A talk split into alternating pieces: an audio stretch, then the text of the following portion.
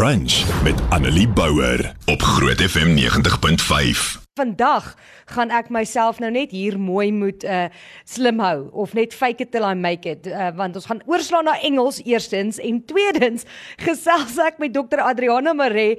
She's a theoretical physicist which already makes me wary. I'm sorry, I'm really when it comes to science, I'm not brilliant. How are you, doctor?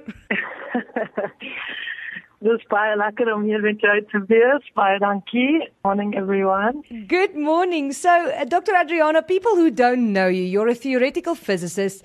You originally was you were part of the Mars 100 crew. Quickly tell me about that. Yes, so first of all, uh, I think we're all scientists, you know. A scientist is someone who's curious about the world around them, asks a lot of questions some of us just make a career out of it. that some of us can't. but we still ask questions. that's true. We do. I, I ask questions for a living, so that's okay. Exactly. So you were originally part of the Mars 100 project, and you are still very adamant about the off-world project, which you are working on at this stage. Can you please elaborate on that? Yes. So South African born Elon Musk has established the company SpaceX, uh, which is currently building transport systems to take humans to Mars. So, uh, a South African, I think, is a good a good person for the job um, to be able to pull something like this off. And being uh, often the richest person on the planet also helps, I think. Um, so Certainly helps a lot. so that's happening. Um, so the question is, who's going to go? And uh, as you've mentioned, I, I put my hand up uh, a few years back when the Mars One project was asking for volunteers, and a hundred of us made it through to the final round. But then, unfortunately, in 2019, the Mars One project declared bankruptcy. So that wasn't going to stop me. I mean, human expansion beyond Earth is one of the grandest, most exciting and uh, aspirational projects that humanity has ever imagined. So I quit my corporate job in 2019. Um, in retrospect, it wasn't the best time to quit a job because the pandemic then slammed us hard. Oh, my word. but I established Proudly Human, um, an organization that's running the off-world project to prepare for extreme conditions because let's be honest, things on Earth don't look to be getting less extreme. And things on Mars will be even more extreme. So extreme environments is what we do. So you're trying to prepare for life on uh, Mars or the moon and beyond, as as you say in your off-world project press release. What does this mean? You say over 18 months, a Proudly Human will run a series of habitation experiments. What does this entail? So human communities, whether we are looking at an informal settlement, an overcrowded city, or a group of people actually leaving the planet, require a similar set of infrastructure. And if we break that down, that is shelter, power, water, food, and communication systems.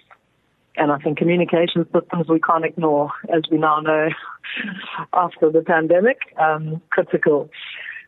So these are the sets of infrastructural requirements that humans have. And whether we're preparing for climate change, you know, areas that are water scarce, um, areas that don't have existing infrastructure, uh, power cuts, let me not speak more about that, getting off grid, whether we're on Earth or beyond, um, has a similar set of requirements. So that's what we're doing at, at Proudly Human. And we're going to make it fun. We're going to make it a documentary series because we're going to be taking groups of around 12 people, 12 experts, carefully selected experts, to regions like the Namib Desert, one of the oldest, or it is the oldest desert on Earth, one of the driest. And we're going to arrive in a completely remote location there and set up all of our infrastructure from scratch and live and work as a research community for the duration of the experiment and record the whole thing. So we are taking applications for these experiments, but if people would rather enjoy them from the comfort of their couch, then uh, yeah, it'll be a documentary. That will be series. me. Uh, I, I'm not going to lie. I'm I'm an adventurer, but I think not that adventurous.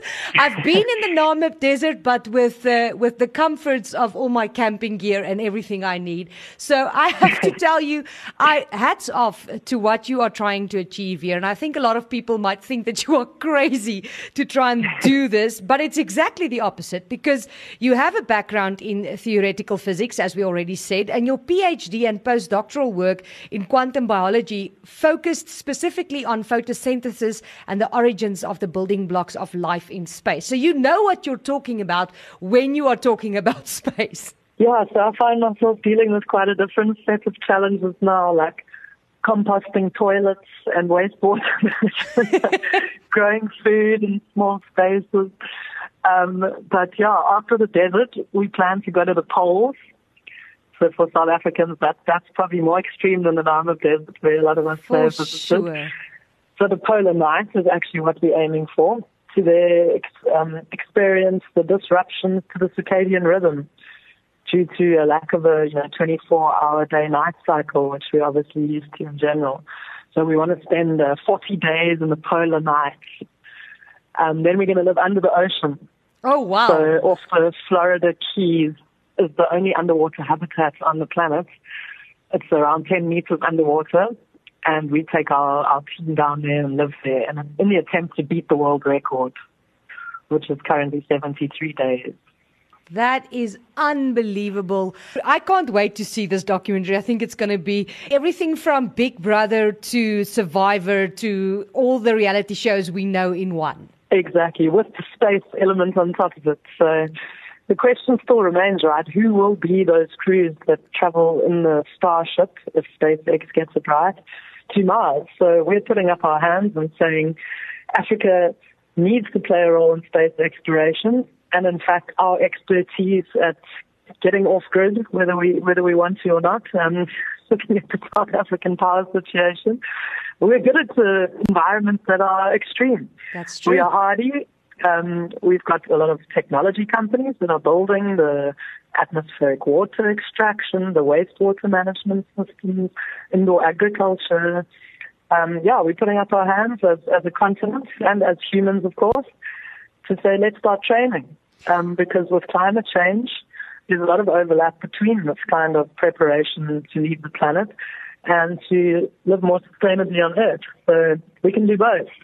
That is amazing, and that was actually my next question. I actually have two two questions for you. The first one I want to know is if you put up your hand to do the Mars expedition, it it probably or most certainly mean that you will not be coming back. Is that something that scares you? So that was the very good, right? That made an impact on people. That was a great marketing campaign from the Mars One project. So they didn't have a founder that was the richest person on earth. So they were actually trying to cut costs. Oh, wow. it's a one trip. Because bad for the listeners out there, logically, if you can get there, You can get why back. not? Why not? Why can't you get back? So, so luckily the Starship is a reusable rocket technology. I'm sure many of us have seen SpaceX landing and then relaunching rockets. That's what they're doing, reusing rockets. So it won't necessarily be a one-way trip, but it's 200 million kilometers away Oh my word. and anything can go wrong on the way or once you're there or on the way back. So I think you need to make peace that this The is not a trivial are. uh, trip.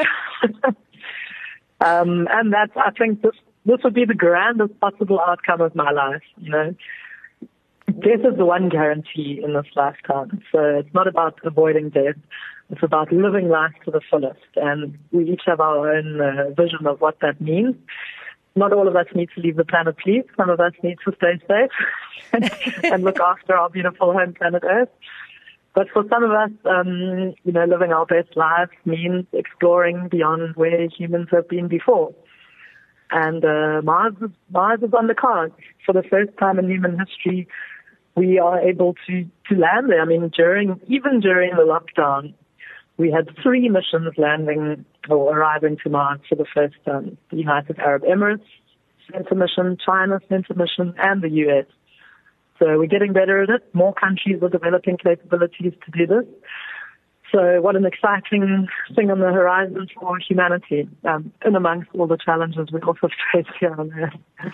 That is a, that's amazing to to think that uh, the human race is already at a stage where we can say we might be able to live on Mars one day. So now my question is, do you think that it will make life on Earth or life for Earth, not for humans, better if some of us leave and go and live on another planet? yeah, then I then I often get requests for for people. Can so and so please come with you to Mars because we're done with you. uh, oh, um, yeah, I mean, we do have a lot of humans on Earth, but I think that's that's not the key problem. Some people would claim population is the key problem, but I think the way we live is more than thing we need to reflect on. You know, the top 10% of the humanity in terms of economic wealth are utilizing by far the majority of the resources on Earth. So when we look at Africa as a continent, um, we don't have the biggest resource consumption footprint. Um, so that makes us, I think, ideally suited to think about resource constraints. Because if there's a place to practice being more efficient with our resource use, it's space because things are tough there. No wastage is possible. Wastage means death. Um, you need to recycle all your water. You need to grow food in extremely small spaces. There's no such thing as waste. You will recycle every molecule back into the system as a resource again. Um, so I think that thinking, even thinking about living on Mars, is a great way to start developing the kinds of technologies that we need to live on Earth with a lighter footprint. So without destroying so much of the natural habitat that we are currently doing in order to sustain our, our cities, etc., we need to live in harmony with the environment, whatever planet we're on. And Mars is an extreme place to demonstrate what's possible. But uh, as we know, you know, exploration drives innovation. When we're in a tight spot um, or exploring the unknown in an unknown environment, this is the time when new ideas come out. And uh, maybe thinking about living on Mars is exactly the kind of inspiration we need here on Earth to prepare for climate change and uh, living in a much more resource efficient way than the way we currently live. Well, you said at um, some point, you said the reason you want to explore beyond Earth is simple. You said it's the allure of the unknown is far more powerful than the comfort of the known. And maybe it's because of the comfort we have that we take it for granted uh, and that we don't necessarily look after it. Yes, so in many ways, I think that's why we need to think of the, let's be honest, the challenging situation we face in South Africa right now as an inspiration to do things differently. We've been put out of our comfort zones, and as a result, uh, many people are thinking about alternative ways to generate power for their for their businesses, for their communities. If you have enough money for your household, um, but I think more importantly is the community-based approach to thinking about alternative power systems. And that's just an example. You know, water systems. Let me not say that water scarcity is another huge challenge on our horizon whether we're looking at uh, aging infrastructure or just a, a, lack of rainfall because of the shift in climate that we're seeing. So we should uh, celebrate the challenges that we face um, because they will drive innovation. And in that way, I think in South Africa, we can be ahead of the curve um, in terms of developing systems for the future where we manage these resources like power and water more, more efficiently. Uh, Doc, I have to say that you are a superwoman in my eyes. You have your one PhD. You are actually working on your second one. You are working on the uh, Foundation for Space Development in Africa, developing Africa's first mission to the moon, the Africa to Moon project. You're working on this uh, extreme survival for Mars. You're doing a lot of things. If you can can uh, inspire young girls to go into science, what would you tell them?